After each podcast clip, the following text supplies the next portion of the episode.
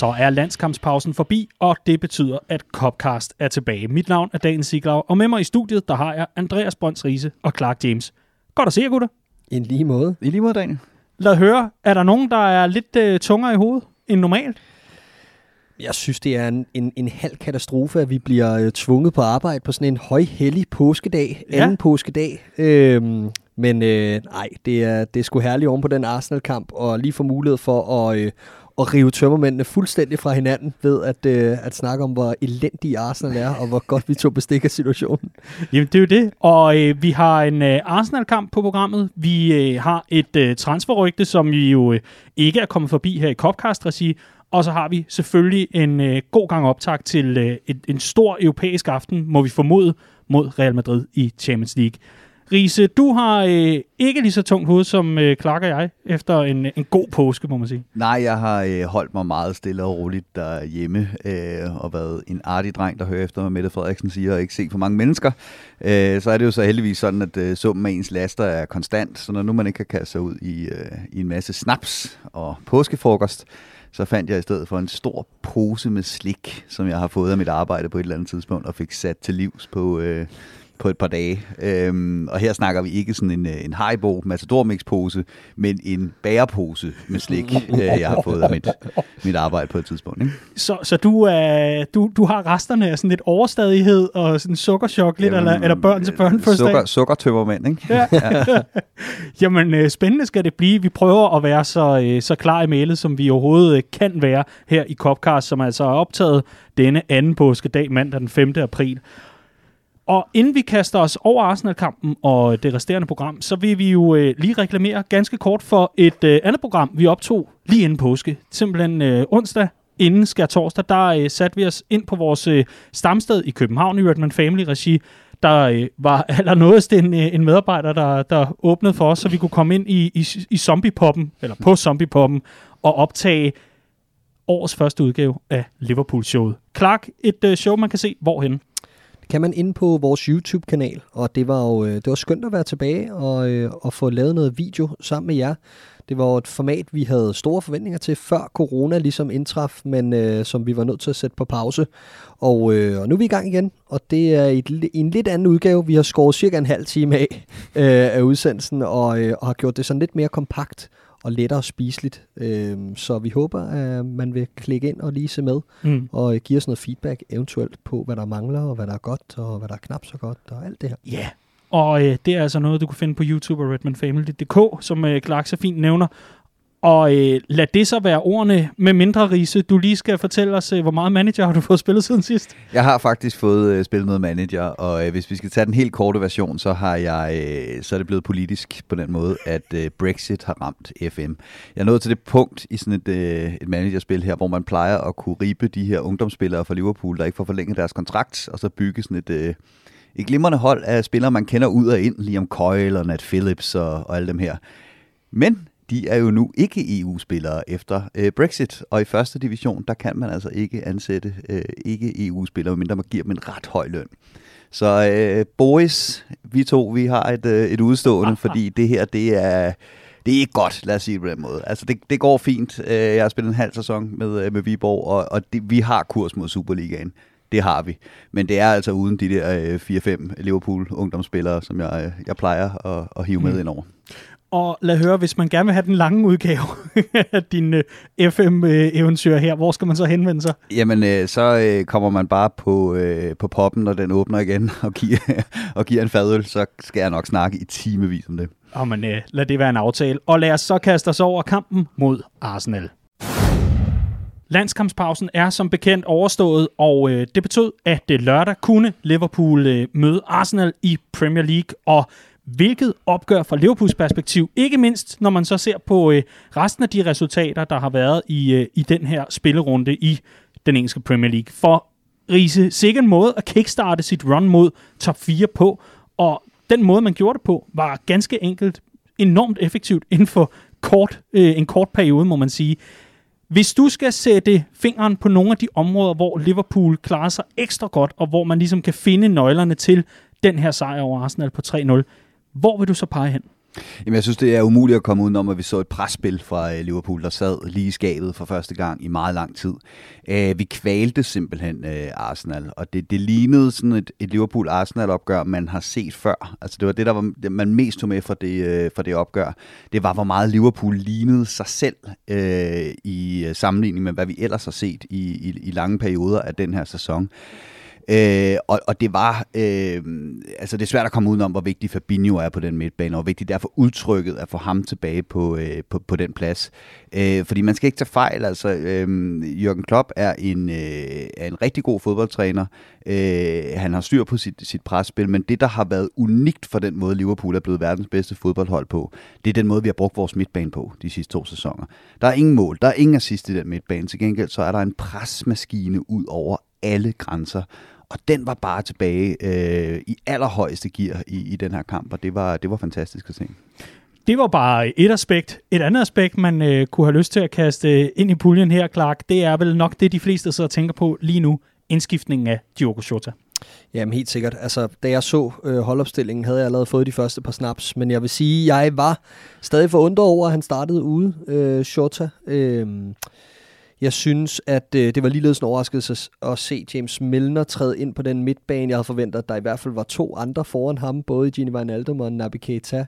Øh, men han gjorde det jo også fremragende. Jeg synes i det hele taget, at den her kamp var en, sådan et, øh, en, en opvisning for Jürgen Klopps side, om man vil, i game management. Altså det her med, at øh, vi havde flere spillere, hvor at Klopp var nødt til at tage en svær beslutning. Øh, vi går ind i en tæt periode nu med kampene, der kommer thick and fast i flere turneringer. Vi vil gerne både bygge momentum i ligaen, vi vil også gerne vinde i Champions League. Øh, der har lige været de her landskampe, og det så vi jo effekten af ret hurtigt i anden halvleg, hvor Klopp skifter Andy Robertson ud for, øh, for Diogo Jota. Det er jeg sikker på, at der var mange, der sad og tænkte, hvad sker der nu? ikke? Øh, og det blev vi kun bedre af. Øh, så jeg synes, der var flere ting i den her kamp, som var utrolig opløftende, og som, øh, som lover rigtig godt for de næste par kampe, at vi kan finde ud af at jonglere på det rette tidspunkt og stadig grinde et resultat ud. Indskiftningen af Diogo Jota er ganske afgørende, kan man jo så også se øh, på både statistikker og, og meget andet efter, efter opgøret. Det kan man blandt andet også gøre i vores faste segment Datahjørnet, hvor du, øh, Andreas, sammen med vores øh, dataanalytiker Christian Rønshold, har jeres faste hjørne efter, i hvert fald hvis ikke alle kampe, så i hvert fald stort set alle kampe, kommer I med øh, pointer og statistikker, der ligesom underbygger pointerne. Det er jo ret heldigt, kan man sige, i en analyse. Men øh, en, en, en af de ting, I blandt andet fokuserer på her, det er, at Shota er to the rescue, som der står i en af overskrifterne. Kan du ikke prøve at uddybe, hvad er det, han kommer og redder andet end sådan set at score målene, men hvis man skal lidt dybere i analysen, hvad ligger der så der? Jo, først og fremmest så skifter job, øh, Klopp jo system, da han smider øh, Shota på banen. Netop øh, det er Andy Robertson, der går ud, og så ryger Midler ned på venstre bak, og så går vi over den her 4-2-3-1. Og det er jo i den periode, vi afgør kampen, hvor man kan sige, at første halvleg, der kvæler vi Arsenal, vi har presspillet på plads, vi prøver på at skrue tempoet op, gør kampen kaotisk, men når vi når frem på sidste tredjedel, så går det i stå, så rammer vi ikke hinanden. Så mindede det meget om den der fejlafleveringsfestival, vi så mod Wolves øh, inden øh, landskampspausen. Så skifter vi over i den her 4-2-3-1, for alle fire offensivspillere øh, på, på, på banen, får afgjort kampen, og så tager vi Firmino ud og går tilbage øh, i, i 4-3-3 med, øh, med, med Gini. Men det han først og fremmest bringer Shota, det er jo øh, instinkt. Ikke? Altså vi, som vi skriver i, øh, i øh, øh analysen her, så har han øh, 8 mål på 3,5 xg. Og man kan sige, hvad man vil om xg, og der er masser af ting øh, i den statistik, som man altid skal fortolke. Men det, det i hvert fald viser, det er, at Shota han scorer øh, mål på halve chancer. Øh, han er en fremragende afslutter, og det er der bare ikke rigtig nogen af vores andre angribere deroppe, der er lige i øjeblikket. Øh, så han kommer ind, han er brandvarm. Det var også derfor, man havde regnet med, at han ville starte inden, for han har også bumpet for Portugal i, øh, i landskampspausen nu her. Øh, men, men Klopp havde helt klart sat sit hold efter, hvem der havde været i aktion, så at sige, i, øh, i, i landskampspausen. Det er også derfor, vi ser, at Nosan Kabak blive taget ud, på trods af, at han havde fandme nærmest ikke engang sved på panden. Altså, han havde ikke lavet noget i den kamp. Men han skulle ud, fordi han havde spillet meget i, i landskampspausen. Så det var helt planlagt øh, i forhold til, øh, hvem der skulle spille i den her kamp, hvem der skulle ud, hvornår, i forhold til, hvor de var øh, rent fysisk. Øh, så overraskende, at Shota starter ude, men vi har jo snakket meget om det her med, at, at en del af det at have øh, lidt flere strenge spil, øh, at spille på i offensiven, også gør, at man har noget at skyde med fra bænken. Mm. Øh, så det, det, det, det lignede en gameplan, at vi gik ud og sagde, okay, nu starter vi i det her udgangspunkt, og så har vi den mulighed mm. at gå over i 4-2-3-1, når vi har kvalt deres midtbane, og kampen skal afgøres, hvis ikke vi har gjort det der. Og det gjorde vi, og det, jeg må bare sige efter den her kamp, det er en kamp, hvor Klopp han rammer gameplan, taktik og alle indskiftninger. Og hvornår har vi sidst kunne sige det? Især mm. det sidste. Fuldstændig spot on ja. og øh, lige røven. Og øh, jamen det Shota også springer for mig er øh, aggressivitet. Øh, han, er, han er så direkte, øh, både i forhold til øh, sine aktioner, men også bare, øh, han er et lille shithouse, ikke? Altså det er han virkelig. altså de slår sig på ham, og han laver, han laver sådan et, et mærkeligt gul kort, som man normalt vil blive lidt irriteret over at se sin, sin i hvert fald offensivspiller lave, hvor han lige saver Thomas Party fordi han ikke finder sig i noget. At da han træder ind på banen, der bliver han lige, han bliver lige, de skal lige vise ham, hvem der bestemmer nede i bagkæden. Nej, det er ham, der bestemmer. Og det skal han lige ind og vise. Og jeg, jeg kan godt lide hans attitude. Og det var lige præcis det, der manglede. Vi var lige præcis de 10% for tandløse i første mm. halvleg, og i de første kvarter af, af anden halvleg. Og det har meget været historien om Liverpool her i 2021. Det her med, at når man, vi har egentlig siddet meget fint på spillet mange gange. Vi har også skabt nogle okay chancer, men man har følt, at vi manglede det der, den der gennembrudstyrke og den der fanden i voldsked. Og det var fedt. Og en anden ting, jeg vil sige, som vi også har siddet og været ret frustreret over i store dele af 2021, er vores midtbane, som du fremhæver, Andreas, den virkede rigtig godt her mod Arsenal. Og så kigger man på, hvorfor virkede den ret godt? Fordi der var sat nogle spillere op, der egentlig matchede på den her midtbane. Jeg gider ikke se Gini Wijnaldum spille sammen med Thiago derinde, fordi vi har set det, og det fungerer ikke. Og lige pludselig så kommer både Fabinho og Thiago og James Milner til sin ret, fordi det bare var et bedre match. Og jeg tror, at det betyder mere, end vi lige sådan øh, gør det til det her med, at, at de jogger altså hinanden over fødderne derinde, Thiago og Gini Wijnaldum. Så jeg håber, at øh, når de skal spille, så er, det, så er det ligesom sådan på skift af hinanden. Altså det gør de ikke, når øh, Fabinho er i midten til at sætte en mur op imellem dem. De kampe, hvor vi har set, også mod Leipzig for eksempel, øh, at Fabinho ligesom får lov til at dominere det centrale område i banen, og så skubber han nærmest bare de to men, ud til hver sin side. Men det så vi stadig i kampen øhm, efter mod Wolves. Ja, jo, ja, men i, i mindre omfang. Ikke? Øh, men jeg, jeg er helt med. Jeg synes heller ikke, at de to er et særligt godt match Nej. på den midtbane. Til gengæld så synes jeg, at Fabinho, Fabinho og, og Gini er et undervurderet makkerpar. Mm. Øh, jeg synes virkelig, at de to de gør hinanden bedre. Så, så det, er ikke, det er ikke fordi, jeg tror, at Gini Wijnaldums rolle er udspillet overhovedet i Liverpool. Jeg tror nærmere, det er på grund af, at han har spillet i, i, i landskampspausen. Øh, og så i forhold til, til, til det med Thiago, som, som øh, øh, det, han ryger ind der og scorer øh, endnu et hovedstødsmål. Og manden Shota. er... Ja, Shota. Øh, og han er øh, øh, bitte lille. Altså, det er jo ikke, det er jo ikke et monster. Men hans måde at bevæge sig på i et mm. felt er utrolig klog. Øhm, og, og meget kan man sige om vores andre angriber, øh, især vores to kære fløje, der skal stå på målene. Øhm, de har nogle andre kompetencer, men, men de er ikke altid øh, taktisk kompetente. Lad os sige det på den måde. Der har Shota en måde at bevæge sig i et felt på, hvor han finder plads på en helt anden måde. Og, og det man får med ham som nier, som man ser, han er jo nede og være med til at tage del i opbygningen, hvor han naturligt falder ud på sin venstre kant, er med i opbygningen, så ryger den ud til højre, og så står han der inde mellem de to mm. forsvarsspillere på en måde, som ingen af vores andre angribere øh, formår. Firmino har det faktisk, når han er i topform, men det er han bare ikke i øjeblikket. Øh, og, spillede en god kamp. Spillede en rigtig god kamp i, det, i, i link-up-spillet, men, men i spillet i feltet mangler han stadig noget, og der, der får vi altså noget med Shota her. Han, han, er, han er nærmest vores mest øh, naturlige, instinktive øh, angriber. Og netop nu, hvor du nævner det her mål, som øh, han altså bringer Liverpool foran på, det her hovedstødsmål, så skal vi jo også forbi, apropos landskampspause, Trent Alexander-Arnold, der i allerhøjeste grad har, øh, har en formkurve med pil op på den rigtig, rigtig positive måde. Han har vel også en rigtig, rigtig stor ære af, at Liverpool lige pludselig får eksekveret de her halve chancer, som øh, nu engang opstår, og netop øh, bringer det, han er allerbedst til. Ja, altså men jeg, jeg tror ikke, jeg er så stor modstander af det, der foregik med, at han blev hugget af landsholdet. For det første, så synes jeg, at det er øh, positivt for Liverpool. Øh, vi fik en, en trend øh, til at blive hjemme hos os, øh, kunne, øh, kunne sidde og se med fra sofaen og få lidt rest. Han spiller jo hver gang for os, og det skal han også gøre, fordi at alternativerne slet ikke er gode nok. Øhm, og, og derfor tror jeg, det var et vigtigt tidspunkt forud for den her slutspurt, hvor han i den grad skal spille rigtig meget igen, at han lige fik det her break. Og samtidig så tror jeg også, det er et wake-up call i forhold til at prøve at høre, øh, du er ikke, du er ikke selvskrevet til at være øh, landsholdsbak for England ved at levere på 7 ud af 10 en hel sæson. Og så kan det godt være, at han stadig er den bedste, men det var stadig et vigtigt signal at sende til ham, tror jeg. Og jeg synes, den reaktion, vi fik, var faktisk lige præcis den, jeg havde regnet med, fordi jeg ved, hvad Trent Alexander-Arnold kan. Han er bundsolid, øh, suveræn mentalt, øh, second to none, det han har leveret over de sidste 24 måneder for Liverpool. Øh, så jeg synes egentlig, at det var positivt hele vejen rundt, og jeg synes, at Southgate bliver slagtet rigtig meget for den beslutning, og måske undervurderet lidt i, at han måske også havde set det her som en mulighed for, at Trent Alexander-Arnold kunne få et loss bag i og lige levere de 10% mere og så møde frisk op til EM. Jeg synes egentlig, det er fint. Men fra et Liverpool-perspektiv, we're not mm. English, we're scouts, som de jo ynder at sige, fordi Jamen, jeg vil også skide på det engelske landshold. Altså, men, nå, men det, vil, det vil jeg da, men, men, men jeg mener bare, jeg tror egentlig, at det er en win-win-win hele vejen rundt. Men øh, pointen herfra var mere, apropos landskampspause, nu var han så frisk og klar, og mm. var en stor øh, medspiller i allerhøjeste grad i forhold til, at Liverpool får eksekveret på deres chancer. Riese øh, du har talt rigtig meget om det her med, at øh, Trent Alexander-Arnold også har fået meget røg, øh, nogen vil mene med rette, i denne her sæson, for at have sendt indlæg ind i blinde i, i det her felt. Så kommer du alligevel lidt selv ind på måske lidt af forklaringen i forhold til, at nu er der endelig en, der står det rette sted for de her indlæg. Er det simpelthen det, vi ser, at Trent han nu endelig har øh, en modtager på radaren?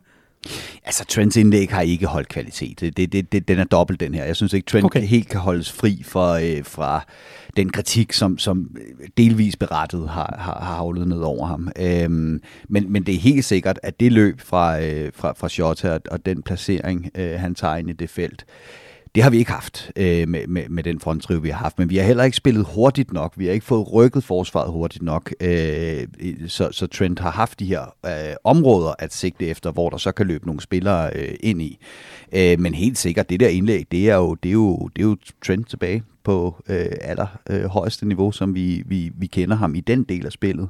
Øh, det jeg også synes, der var meget øh, åbenlyst at se ved den her kamp, det er, at vi bruger vores midtbane, øh, og så vender jeg tilbage til den, fordi jeg synes virkelig, det var den, der var nøglen i den her kamp, øh, på en helt fantastisk måde, hvor at, øh, at, at øh, Milner og Thiago på skift går ned og henter bold, Øhm, hvor vi har set i de tidligere kampe, at Trent Alexander-Arnold har skulle babysitte opspillet fra midterforsvaret helt ustyrligt meget.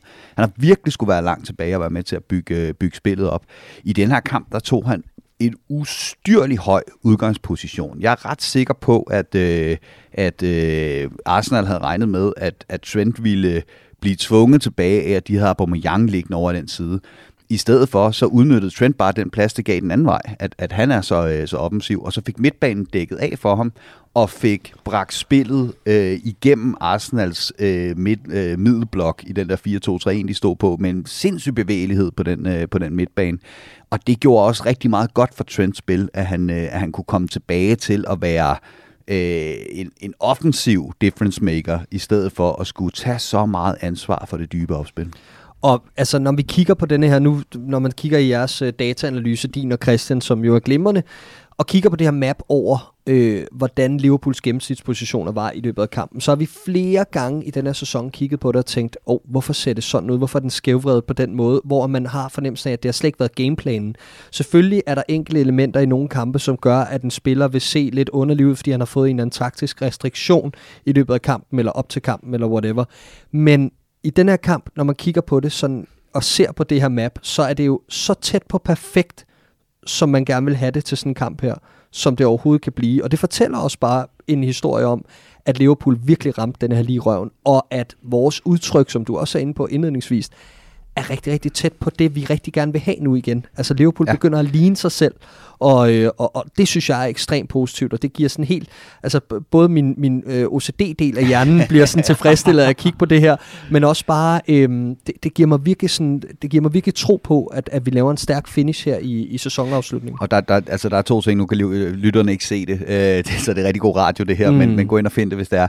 Der, der er to ting, der er meget vigtige at hæfte sig ved, øh, når man kigger på de her gennemsnitspositioner. For det første, Trent er foran Andy Robertson, øh, altså højere placeret end Andy mm. Robertson banen. Det har vi nærmest ikke set i den her sæson sæson, så det siger noget om, hvor meget vi, har, vi, vi bruger ham som outlet. Og så er Fabinho gennemsnitligt set den, den forreste placerede øh, midtbanespiller. Øhm, og det er jo det, vi købte ham til. Mm. Det er at være den her tovejs defensiv midtbanespiller. Klopp spiller ikke med sekser, han spiller med tre otter, mm. og de ligger på nærmest perfekt linje yes. med Fabinho en lille smule foran. Og, og, og noget af det, hvor jeg synes, man kunne se det, det var, øhm, at, at øh, Ødegård, øh, som 10'er for Arsenal, har fået meget ros på det sidste, og han har virkelig været en, en fin tilføjelse til deres hold.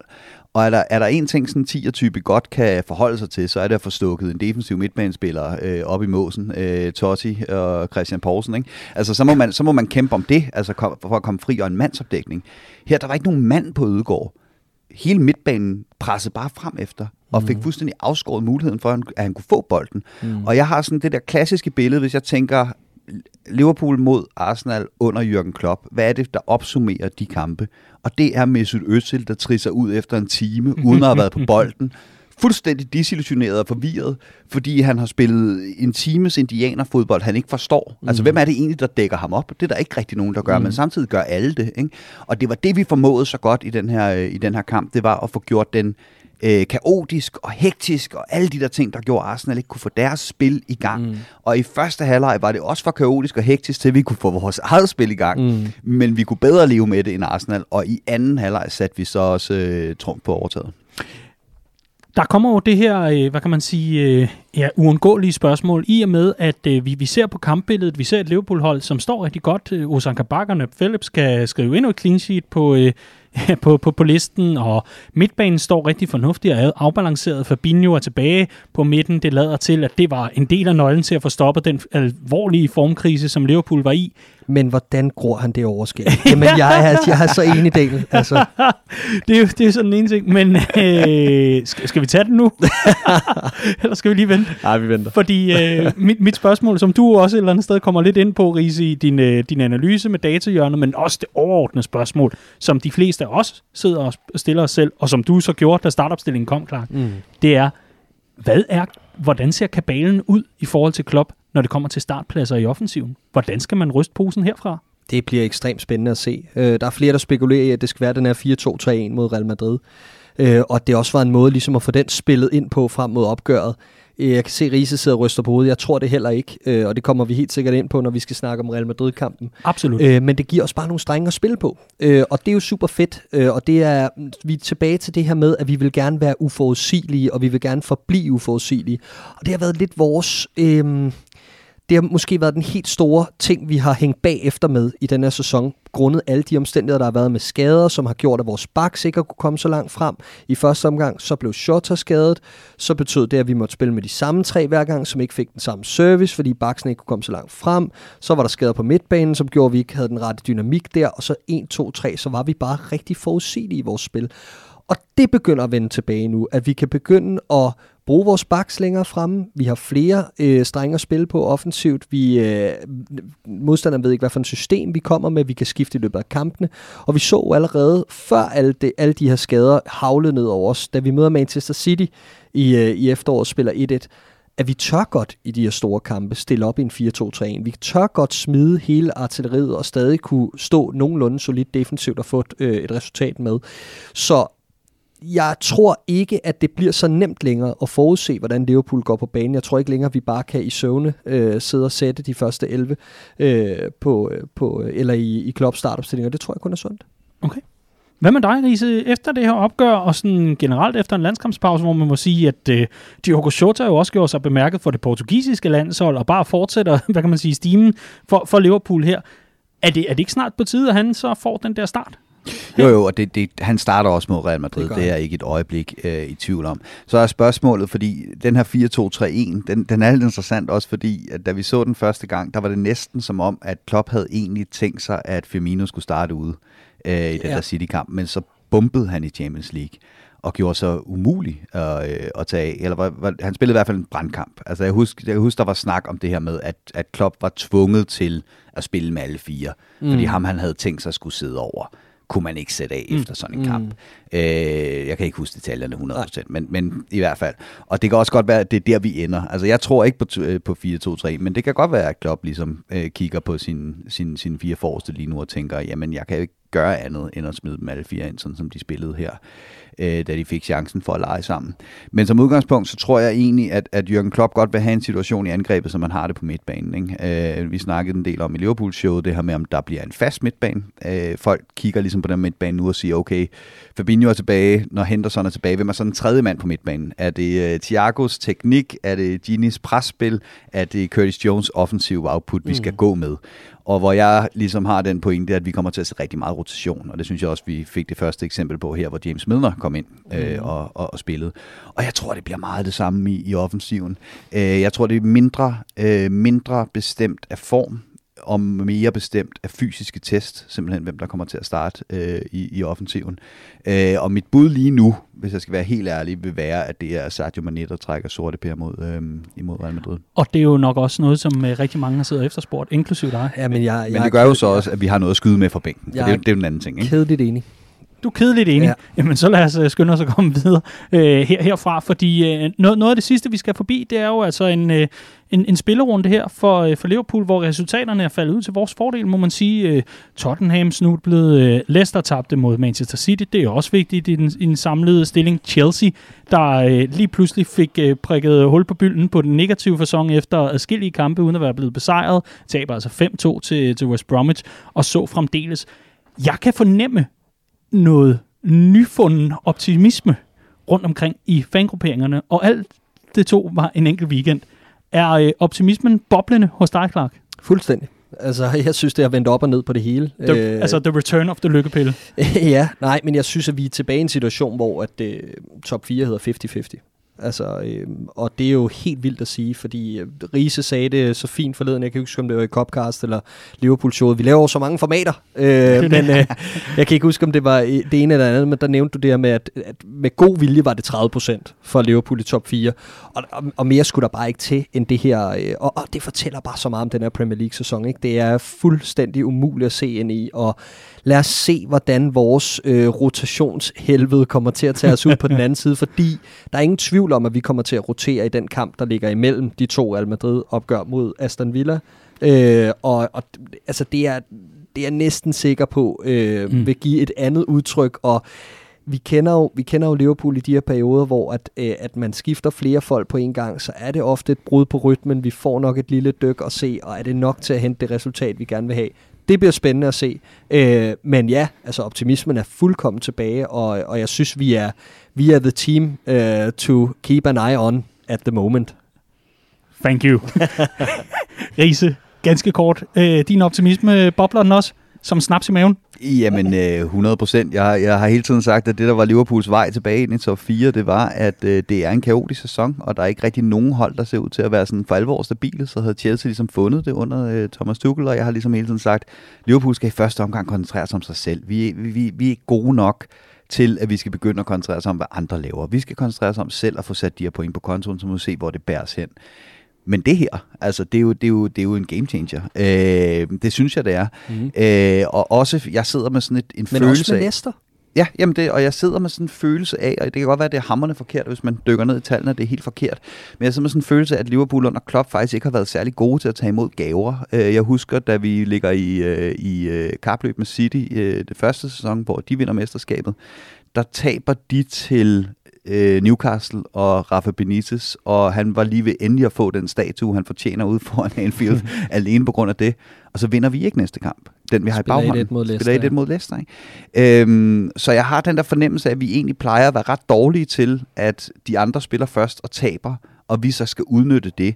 Men det gør vi bare her. Og Mm. det er usvigeligt sikkert. Ja, altså det, er, det, det er Det var et usvigeligt statement. sikkert. Det var et statement, at vi går ud øh, fuldstændig og, og, og, og, og hammer den sejr hjem med syv tommer søm, efter at Chelsea er snu- snublet. Og det er bare sådan noget, der er en uh, momentum game changer. Så jeg er også meget mere, meget, meget mere fortrøstningsfuld i dag. Hvor er det dejligt at høre. Vi har kun én ting tilbage, inden vi skal øh, kaste os over Bella og Birdies og lidt forskelligt. Det er overskæg der. Ja. Ej, men altså, vejen til top 4, den er banet af Alison Beckers overskæg og Porsche snaps. Jeg Øh, er simpelthen så skuffet, kan jeg lige så godt sige, dreng. Fordi jeg så jo det overskæg, og guderne skal vide, at jeg synes, at Alison Becker er en af de smukkeste mennesker, der findes øh, på den her jord. Jeg er helt vild øh, med den mand. Øh, og jeg synes jo øh, i al beskedenhed, at der er visse ligheder mellem mig og, øh, og Alison Becker. øhm, så, så da jeg ser det her overskæg, øh, så finder jeg de, de her billeder, hvor han ligesom øh, sidder og ser glad ud ved påskefrokosten, tror jeg det er. Øh, tager det frem på min telefon, og så holder det op ved siden af mit ansigt og spørger min kæreste, om ikke også jeg kunne bære det her look. Fordi jeg jo ligner den mand, der er på billedet, skal sige, hun ved ikke så meget om fodbold. Øhm, og hun kigger sådan tilbage, frem og tilbage, og så siger hun, altså, I har begge to en ret spids næse. Men det var simpelthen den eneste lighed, hun kunne finde mellem mig og Alison Becker.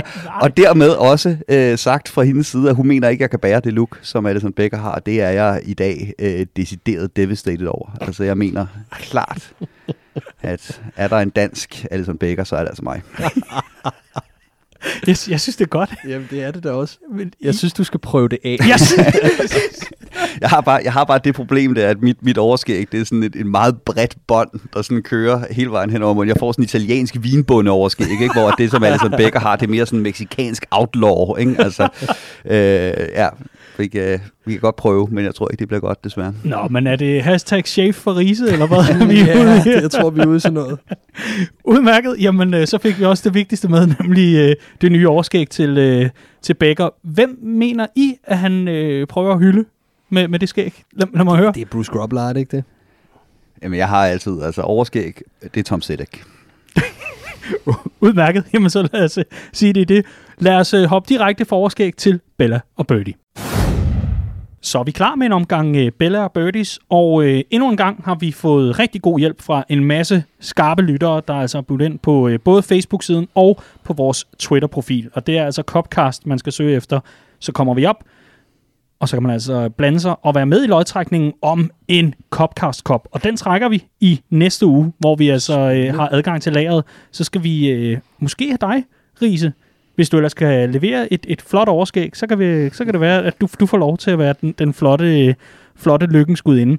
Men øh, lad høre, har I nogen birdies med til mig i denne uge? Og til lytterne? Ja. Ja. ja.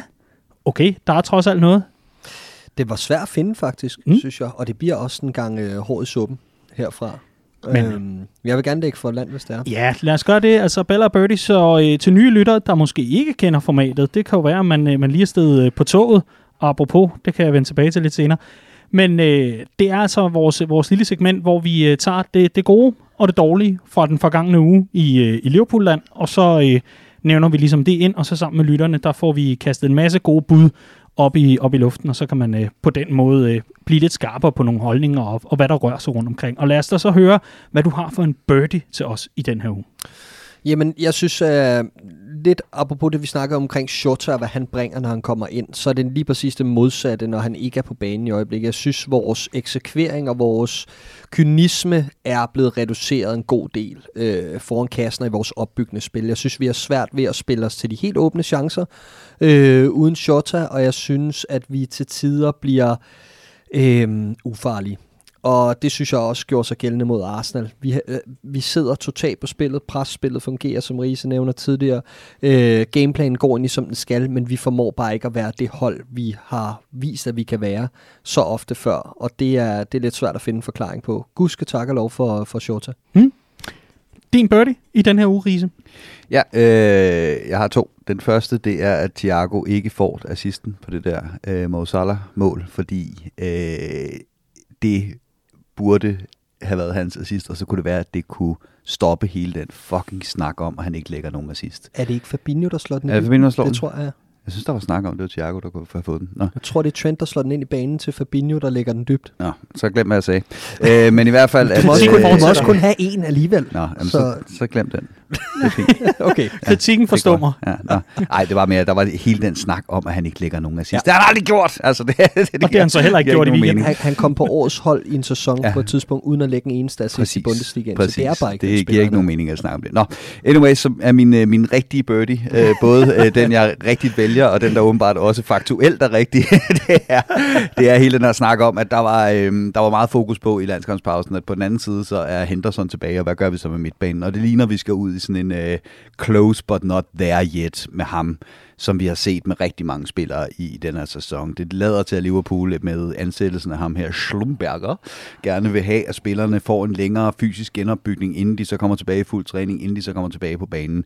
Øhm, men det er meget tvetydigt øh, igen med, hvornår vi kan forvente, at Henderson er, er klar, og jeg forudser sådan et, et, et forløb nu her de næste måneder, måske endda resten af sæsonen, øh, hvor vi bliver ved med at få at vide, at, øh, at nu er han tilbage i lidt træning, og close but not there yet, og det vil desværre ikke overraske mig, at vi har set Henderson for sidste gang den sæson.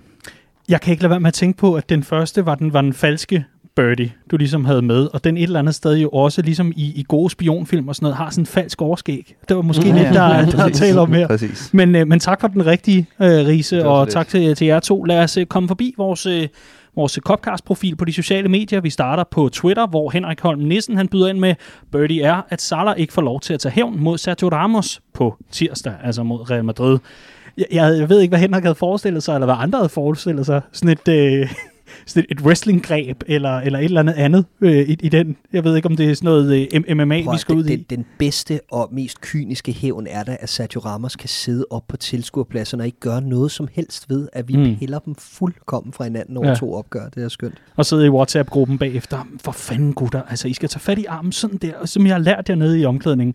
Ikke desto mindre, ingen Sergio Ramos for Real Madrid øh, tirsdag. Marie Hansen, hun byder ind med øh, tre uger uden Copcast og Liverpool, og at Andy Robertson, han spiller 3x90 for Skotland. Den mand får aldrig en pause. På nær, når Jürgen Klopp og Schlumberger, de altså lægger øh, drilske og listige planer for udskiftninger i Premier League. Så skal vi over på Facebooken, hvor jeg også har håndplukket to birdies. Vi, øh, vi starter med Lasse Jæger Rasmussen. Jeg bliver så trist, når man ser Mané være så opgivende. Det ligner næsten, at han ikke gider at juble, når vi scorer. Hmm. Jeg synes, der var et af målene, hvor han virkede ret tilfreds, må jeg så sige. Jeg tror, det var det sidste, hvor, øh, hvor Shota kommer blæsende og napper bolden lige for fødderne af ham. Øh, Der får han jo så også assisten Ja. på en... Er, er du sindssygt godt set og godt lagt til rette for Shota, den der? Det var klart meningen. og det, det er en rigtig assist. Det Riese. er det. Det er nemlig. Øjne i nakken. Klog spiller. Og så kommer en plus birdie fra Lasse her. Det er, jeg tror snart, at jeg er en 30-40 Guinness bagud. Åben, så de popper. Og så slutter vi med Kasper Tisted, der skriver følgende. Og lad det her være en øh, bevidst og planlagt afstikker herefter. For han skriver, at der efter cirka en uges tid med massive rygter om Konaté til Liverpool, samt rygter om delvise beståede lægetjeks, endnu ikke er tækket notifikation ind fra jer, Redman Family, om at signingen af Konaté nu er officiel. Hvilken ro det vil give for vores fremtidige centerforsvar at vide, at sådan en spiller er hentet til klubben. Så er altså en birdie om, at vi endnu ikke har fået taget os sammen og fået offentliggjort øh, Ibrahima Konaté, som altså er RB Leipzigs centerback, som øh, Liverpool øh, angiveligt er meget tæt på at lukke en, en deal med. Og lad det så være overgangen, fordi øh, lad os lige tale om ham, for det har vi ikke gjort i øh, Copcast-regi. Øh, Ibrahima Konaté. En handel, vi, øh, hvis vi øh, skal glæde os til, hvis den øh, går igennem. Ja, det synes jeg helt sikkert. Øh, og som vi også har været inde på i nogle af vores andre formater, så, øh, så er det en spiller, som har det niveau, øh, som har et, et, et, et utroligt spændende niveau allerede nu, har et kæmpe potentiale. Øh, der er nogle, noget bekymring omkring hans skadeshistorik, men det er bare, det vil være et statement, fordi kan vi hente sådan en spiller ind, på trods af, at der er tvivl omkring, om vi spiller Champions League næste år, så er det en cementering af, hvor vi er nået til som klub under Jürgen Klopp. Fordi for mig er det en spiller helt op i top bracket. Øh, det er en spiller, der er en del af det her spændende kul af unge franske spillere, som er på vej frem og øh, har en fysisk presence, som er lige i øh, altså lige in the mold af en Jürgen Klopp centerback. Utrolig stor trussel i begge felter øh, på dødbolde, god med bolden, lynhurtig, angiveligt blandt de tre hurtigste centerbacks i Europa. Øh, kan altså stå i den her høje linje. Og så er der det her med skaderne. Men jeg har en eller anden fornemmelse af, at man tror, at man kan øh, skole ham til at bruge sin fysik anderledes. Fordi han er meget rash, og han er meget ung, og han er meget aggressiv i sin spillestil. Også naiv til tider. Jeg tror, at man, man vil prøve at læne ham op af en Virgil van Dijk og sige på, at du kan også gøre det sådan her. Du kan også være mere Rolls Royce i dine aktioner og, og, og bruge din fysik rigtigt, og så tror jeg slet ikke, han er så udsat. Så det er sådan lidt det, er lidt det take, jeg har på det. Jeg har ikke rigtig noget at bygge det på, andet end det, jeg har set med ham. Mm. Øh, og, og det tror jeg er det, man håber fra, fra Klopp og Company side. Ja, det kunne sagtens være. Har du en kort kommentar til det, eller andet end, at den hurtigste det- centerback i Europa selvfølgelig er Thiago Elote? Jamen, jeg... Præcis. hurtigere, hurtigere end Cristiano Ronaldo, ikke? Præcis. Øh, ja, nej, øh, det, det, jeg er egentlig meget enig, og jeg synes også, det er et rigtig godt bud på, hvem det er, vi kan hente ind, som passer til spillestilen, og som kan være en fast marker til, til Virgil van Dijk. Alle de her bokse, vi har, har sat op for, hvad vores nye centerback skal være. Den eneste øh, negativ, jeg sådan set har omkring det, ud over skaderne, det er det her med, at jeg synes, at Bundesligaen er svær at blive klog på, når spillerne tager springet fra den og over i øh, Premier League. Øh, jeg synes virkelig, det er hit and miss. Øhm, og, og vi kan bare se det med vores egen kære navigator. Ja, der har været skader, men der har del også været problemer med at falde til i spillestilen i, i Premier League, og vi kan se det med Timo Werner øh, i, i Chelsea, som vi også selv var, var ude efter. Øhm, og jeg synes, det er et gennemgående tema, det her med, jeg synes, det er svært at placere Bundesligaen, fordi Bayern er ubetinget et af verdens bedste fodboldhold. Men hvor er de andre under Bayern reelt henne? øh, niveaumæssigt, øh, når man henter spillere øh, derfra. Så det, det, det er sådan den, den bekymring, jeg har, hvis vi går ud og, og henter ham. Mm. Vi lover at komme med dybtegående analyser og meget andet når handlen så endelig er officiel, og vi kan bringe den til dig, Kasper Tisted. Vi glæder os allerede til at lave pushbeskeden. Men det er, jo, det er jo egentlig i bund og grund også lige meget, fordi Carpagometeret, det er jo helt op under taget. Altså, det er det. Apropos øh, stjerner fra Bundesligaen, der jamen, altså, rager ind i Premier League. Apropos Rolls Royce spiller, ikke? Altså, den ja. måde Arsenal fik ham til at ligne uh, Prime Van Dijk på i lørdags, det er jo det er en, det er en præstation i sig selv prøv at lægge mærke til, hvor elegant han gør det. Han tager to billeder med i den her uge, og så pakker han det lige ind med sådan et udbrud midt i det hele. Ja. Det er super godt. Må jeg så høre din rigtige billeder, Clark? Øh, Diogo Jota. Øh, det, jeg er nødt til at tage ham. Øh, yes, altså, hans sidste fem kampe for land og klub har budt på seks mål og en assist, og... Øh, jeg, jeg vil sige, det er nok den signing, der... Jamen, jeg, jeg, jeg ved ikke rigtig, hvad jeg skal sætte ord på det, andet end at hold kæft, for havde man bare ikke regnet med det, vel? Altså, man havde ikke regnet med, at der var sådan et niveau i den spiller, som vi så tørne ud for Wolverhampton. Og slet ikke over, altså, jeg vil sige, den start, han havde, det har vi set ske før hos spillere, der har fået nye klubber osv., og så kommer det her dyk, jeg kan huske, vi snakkede om det, da øh, vi roste om til skyerne i efteråret, så kommer det her dyk, vi så det også med en Sadio Mane, der kom ud med lyn og torden i sin, i sin start i Liverpool, og så dykkede han ligesom helt naturligt, og så kom han sådan tilbage på et, på et øh, suverænt niveau og alt det her. Men Shota, han sad ude i tre måneder med en skade, og så skulle han bare lige bruge halvanden kamp på lige at øh, indstille sigtekornet igen, og så videre. Og så er han bare tilbage til at være den her fantastiske instinktspiller, som bare går ind. Og jeg synes, det her tredje mål, som, øh, som var op og vende lige før, det opsummerer rigtig fint, hvad det er, han bringer til Liverpool. Det er fanden i voldsked og fuldstændig... Øh, jamen, han er ruthless. Altså, han brager bare igennem nettet, og selv da han har scoret, så høvler han lige op i nettaget en gang mere, fordi der er fandme mål, ikke? Altså, øhm, og, og jeg synes bare, han kommer med lige præcis ja. det her på et, på et rigtig vigtigt tidspunkt, hvor vi netop, man kan se os opspillet til det her tredje mål. Åh oh, nej, skal man lige røre bolden? Hvad skal jeg gøre? Men der er ikke så meget at gøre. Put nu bare i nettet. Og det er det, han gør, og det synes jeg er, jamen, mm. han er en fryd for det her Liverpool-hold. Riese, din falske Bella først, og så din rigtige bagefter. Min falske Bella er jo, at det var godt, at Costa Simikas kom ind på venstrebakken. Og, øh, Nej, øh, jeg, jeg, jeg, jeg skulle virkelig gøre mig umage for ikke at tage shots, fordi det vidste jeg ville blive gennemgående tema, og så bliver det også lidt kedeligt. Øh, så jeg går ned i den anden ende af banen i stedet for at sige, at vi har det tredje clean sheet her i streg med, øh, med Kabak og, øh, og Nat Phillips øh, som, som makkerpar. Øh, fjerde streg. Ja, er det ikke det? Det spillet fem kampe med fire clean sheets, men var der ikke... Nå, skidt Nå, med det. Ja. Det er i hvert fald den tredje kamp i streg nu her. Ja. Øh, øh, Leipzig, Wolves og, øh, og, og så den her mod Arsenal. Nå, jeg, jeg, jeg mener bare, at de har spillet fire, de, de to. Ja, ja de, har, de, har, fire, fire, de har, de har fire, de fire, fire, øh, de spillet fem, Nå, det er også ligegyldigt. Yes. Øhm, I hvert fald, øh, det, ser, det ser godt ud. Og jeg... Øh, jeg har stadigvæk den der følelse af, at det er, det er jo for fanden humlebien, der ikke ved, at den ikke kan flyve. Og hvad var det? Øh, der er en, en, en legendarisk skotsk manager, øh, hvis spiller øh, kom ud med en hjernerystelse, og det var før øh, man vidste, hvor slemme hovedskader var i fodbold, og man godt må gøre grin med det. Og så får han at vide, at assistenten, han ved ikke, hvem han er, og så siger han, tell him he's Pelé and put him back on. øhm, og lige nu, der render Nat Phillips rundt og tror, han er samme hyppige. Og long may it continue. Det gør det bare på et eller andet tidspunkt, så, så holder det op med at være sådan. Men now, hvis vi kan få den her sæson over stregen, inden at de to opdager, at de ikke er prime semi hyppige. altså det er jo fantastisk.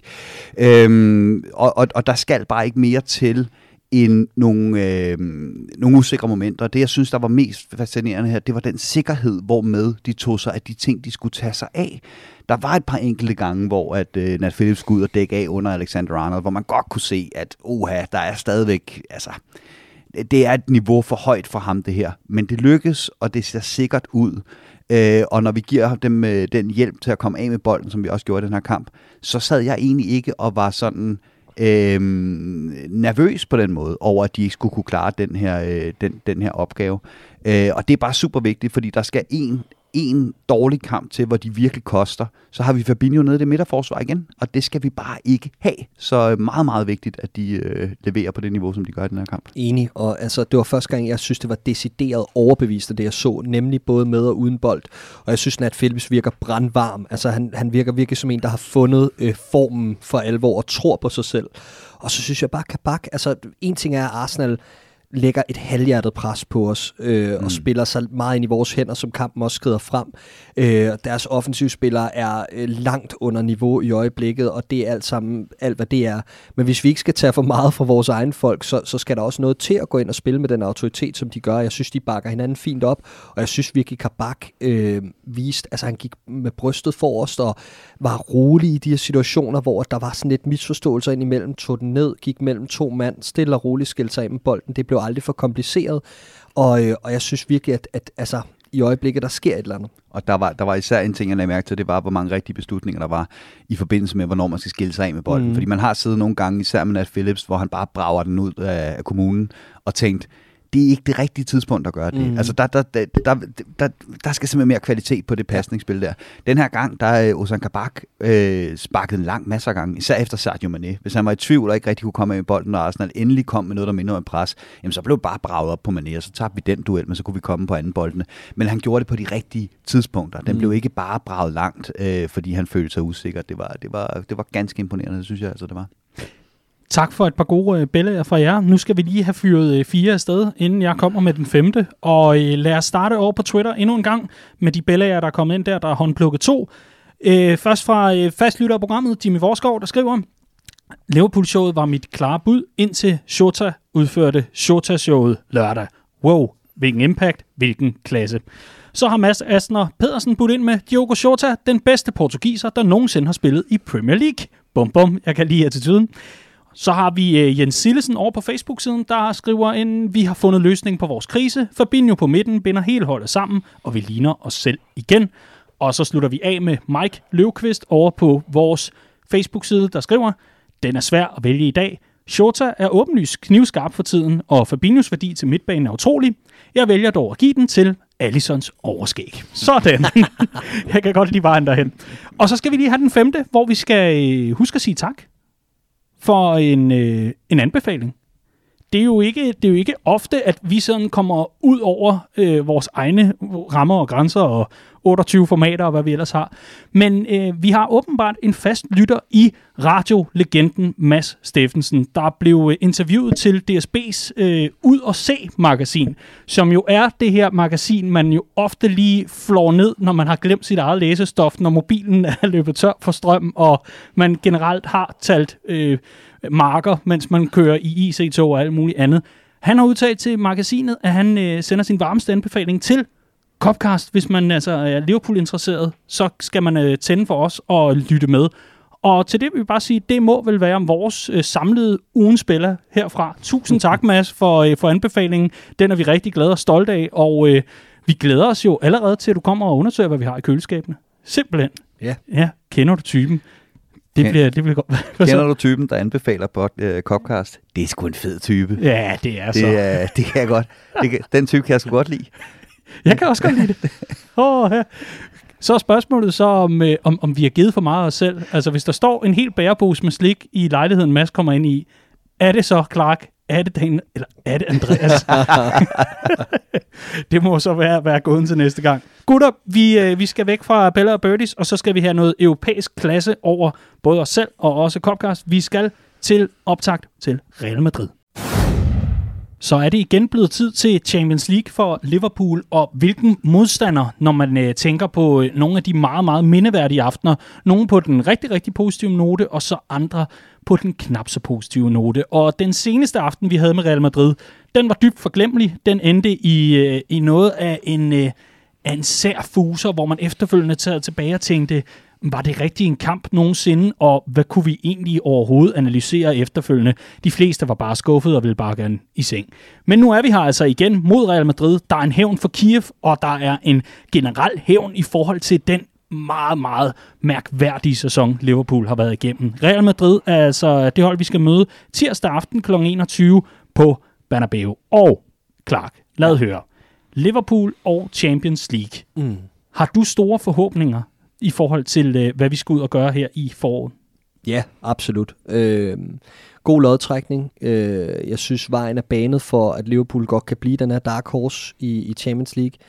Vi skal bare også huske, hvad det er for en sæson, vi er, vi er midt i, og øh, hvad det er, vi har leveret indtil nu, hvad manglerne har været osv. Men jeg synes bare, at den her lodtrækning har givet os nogle hold, Øh, Real Madrid først og fremmest, og så potentielt Chelsea i semifinalen, som egentlig ligger okay til os. Øh, og hvis vi tager en ting ad gang, så lad os lige slå Real Madrid ud først. Øh, et hold, der har vundet Champions League 13 gange, ubestridt den største klub i verden på denne her konto, når det kommer til europæisk succes. Øh, og et hold, som kommer med et bundrutineret setup af vinder og, øh, og en manager, som har prøvet at vinde turneringen flere gange og, og alt det her. Øh, men igen må jeg bare sige, at det er et hold, der med den struktur, de har, de spillere, de har skadet, øh, kommer med noget, som vi egentlig godt kan dæmme op for, tror jeg. Øh, og ikke nok med det, også skal gøre ondt på. Øhm, så jeg tror, at der, øh, jeg tror for det første, at der venter to rigtig spændende opgør, fordi begge hold er blevet sådan smidt lidt ud af kurs i den her sæson, og har mistet lidt deres form, eller deres sådan shape, struktur. Øhm, og derfor bliver det ikke så forudsigeligt, hvad for en kampbillede vi løber ind i. Det er to hold, der har været nødt til at omstille sig, og dermed bliver det bare, det bliver mere åbent, tror jeg, øh, end, end, end mange regner med. Og jeg tror, vi får mange mål over de to opgør. Mm. Hvad er dine forventninger til øh, det her første opgør mod Real Madrid? Jamen, øh, øh, helt tilbage til lodtrækningen, der sad jeg egentlig og kiggede på de hold, der var i hatten, og sagde, at der var to, jeg rigtig gerne ville have, og så var resten egentlig hold, hvor jeg tænkte, hvis vi rammer dem, så tror jeg, det er farvel og tak for Liverpool den her sæson i Champions League. Og de to hold, det var Real Madrid og Porto. Øh, og Real Madrid, det handler simpelthen om, at de, øh, de har haft en del skader nu her, og så er de endt med et setup, der har givet dem en masse succes på det seneste. Det skal vi lige huske, Real Madrid er et hold i guddommelig form.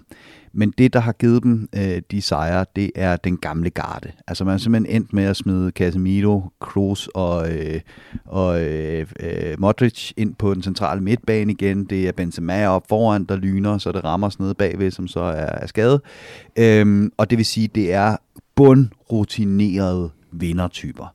Og der er ingen som helst tvivl om, at det godt kan blive sådan en Kiev, hvor Liverpool simpelthen bare løber ind i kniven øh, mod et, et, et, et mere rutineret hold. Altså der simpelthen bare udnytter Liverpools øh, fejl og sløseri og, og, og så videre. Men som udgangspunkt, så tror jeg egentlig, vi får meget det samme at se, som vi gjorde imod Arsenal. Og det var derfor, jeg var så glad, da jeg så Real Madrid komme op af hatten. For det er så længe siden, at vi har spillet mod hold, der gerne vil have bolden, og som helst ikke vil ud og løbe med os. Øhm, enten så har vi mødt hold, der står med 10 mand i eget felt, eller så har vi mødt sådan Chelsea, som gerne vil løbe, som gerne vil stå højt på banen, øh, eller Leipzig for den sags skyld det samme, som spiller på meget samme måde som os. Det er del med længe siden, vi har fået lov til at møde de her hold, som gerne vil spille den ud bagfra, som gerne vil holde på bolden, øh, så de ikke selv skal løbe så mange defensive meter, og som, som helst ikke vil gøre det her til en, øh, en kaotisk presforestilling. Øh, og det står bare godt til Liverpool lige nu. Det gør mm. det bare.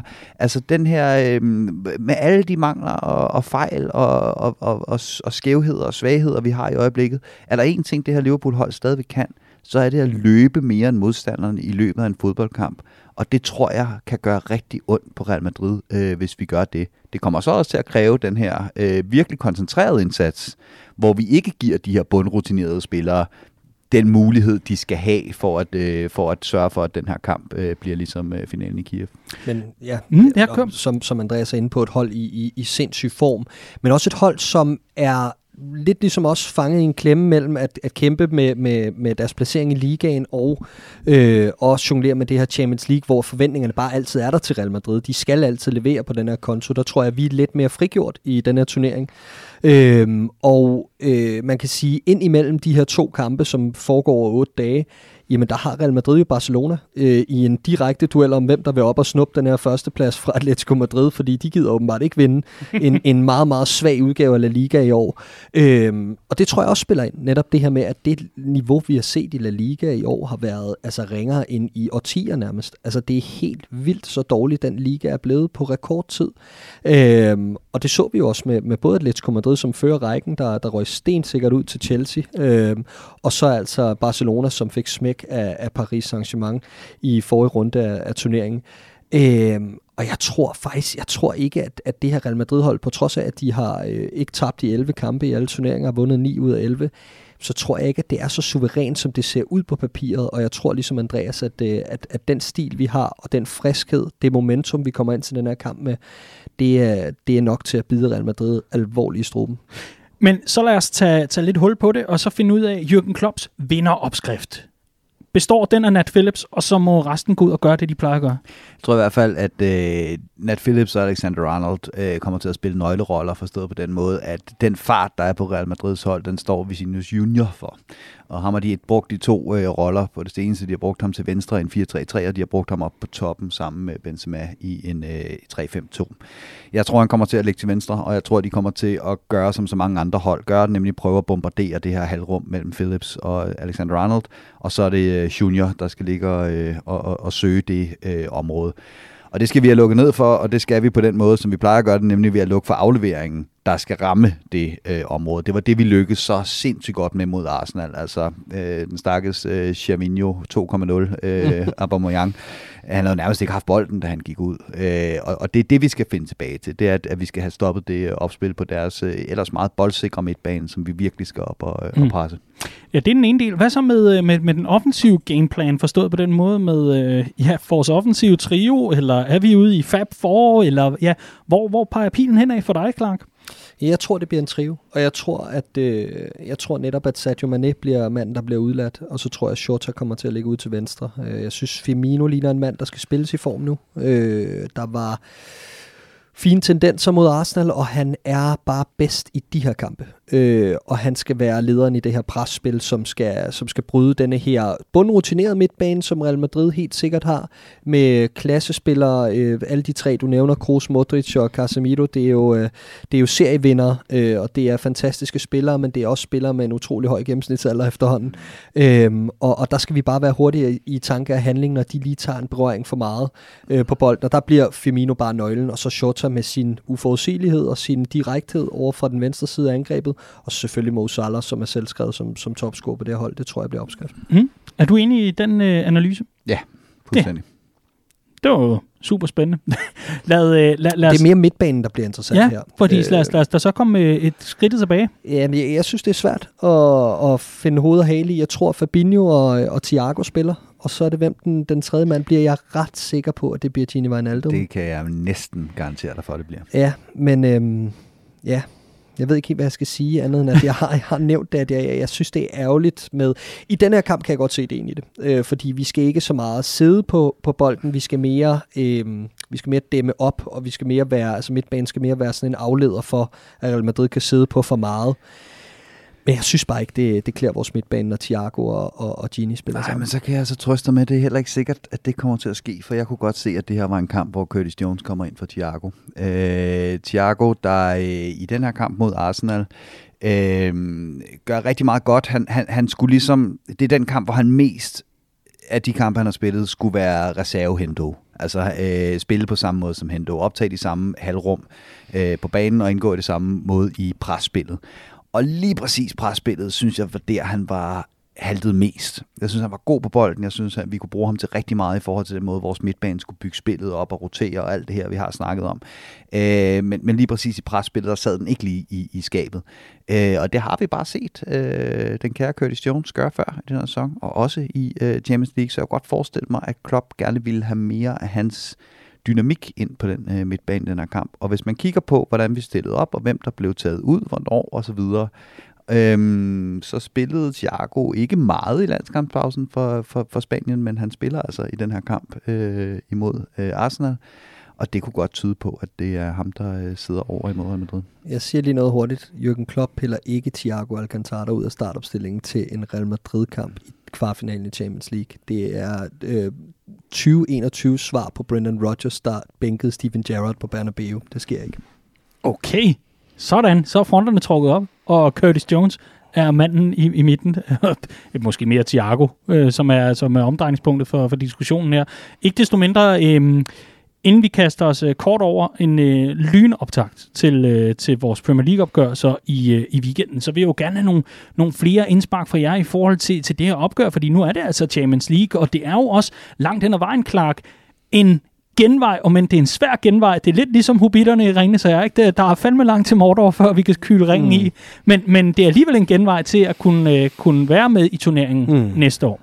Ja. Så er det noget, Jürgen Klopp og trænerteamet, de bare prioriterer helt vildt højt? Jamen, at nu, jeg- nu går vi sgu efter den. Jeg tror ikke, der er noget, der bliver prioriteret højere end andet. Øh, jeg tror, det handler om, at vi skal vinde så mange kampe, vi kan, og levere så mange præstationer, som dem vi så mod Arsenal, som overhovedet muligt fra nu af og frem mod sæsonens afslutning. Øh, og det tror jeg bliver, jeg tror temaet bliver det her med at jonglere med de, med de friske kræfter, øh, og, og jeg kan sagtens se Rises øh, pointe omkring det her med midtbanen, og det her med, at, at der nok vil blive skiftet ret meget ud her til sidst.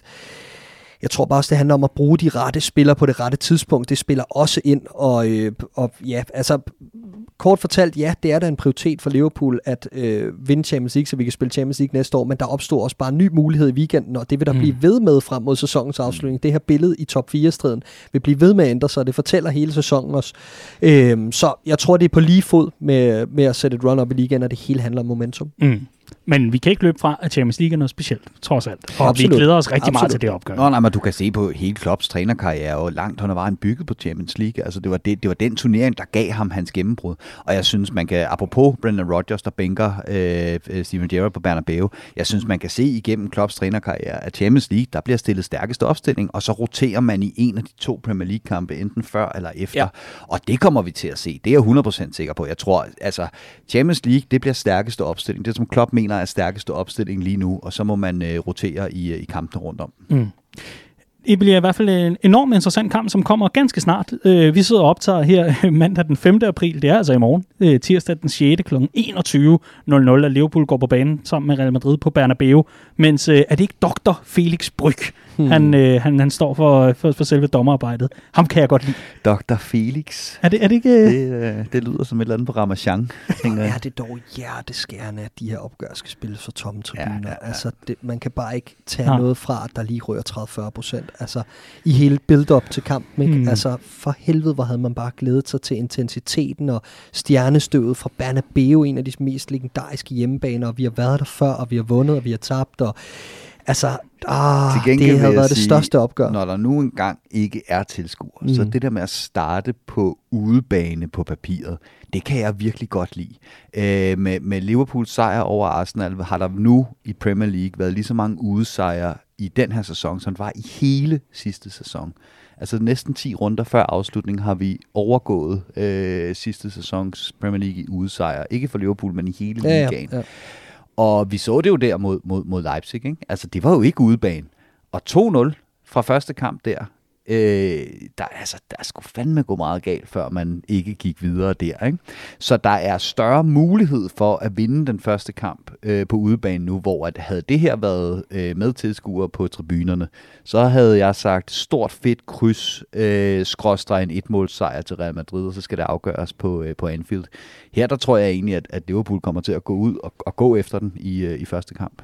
Og så er spørgsmålet så, om de lykkes med det. Det kan vi jo tage til sidst, hvor I kommer med jeres bud på en startelver og så øh, et resultat.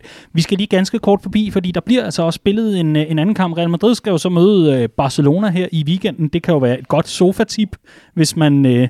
Hvis man sidder og, og mangler noget at lave på, øh, på, Davan, øh, på, på det tidspunkt, hedder det selvfølgelig. Fordi øh, Liverpool møder altså Aston Villa i den, øh, en kommende weekend, øh, lørdag, hvis jeg ikke tager meget fejl. Og øh, der har vi... Øh, jo, der bliver nikket. Det var godt. Øh, Dr. Klokken herover der, lige, der er styr på det. Men øh, møder altså Aston Villa i Premier League, og er jo også et vigtigt opgør. Det, det jeg vil øh, høre dig om, Clark, det er her. Den Arsenal-kamp, Mhm. var den kickstarten på en stime, eller skal vi fortsat ved, hvad kan man sige, ikke vende os til, men skal vi fortsat øh, være vant til at se Liverpool præstere øh, svingende i forhold til, at øh, det, det er sgu svært at, blive klogere på kontinuitet i den her sæson? Jamen, det er det. Det er det. Men altså, jeg vil sige, der er grund til at tro på det, og der er grund til at håbe på det. Fordi, som vi var inde på tidligere, der er bare nogle ting, der falder i hak nu. Der er nogle mønstre defensivt, der begynder at sidde der. Der er en selvtillid hos de to, der spiller sammen nede bag i. Øh, Fabinho på midten har givet strukturen tilbage. Øh, Shorta er kommet tilbage, presser de tre forreste, gør dem bedre, han laver mål. Så jeg synes, der er øh, begrundet øh, begrundet optimisme at spore i fanskaren og øh, hos os, der sidder her i studiet, øh, kan jeg fornemme.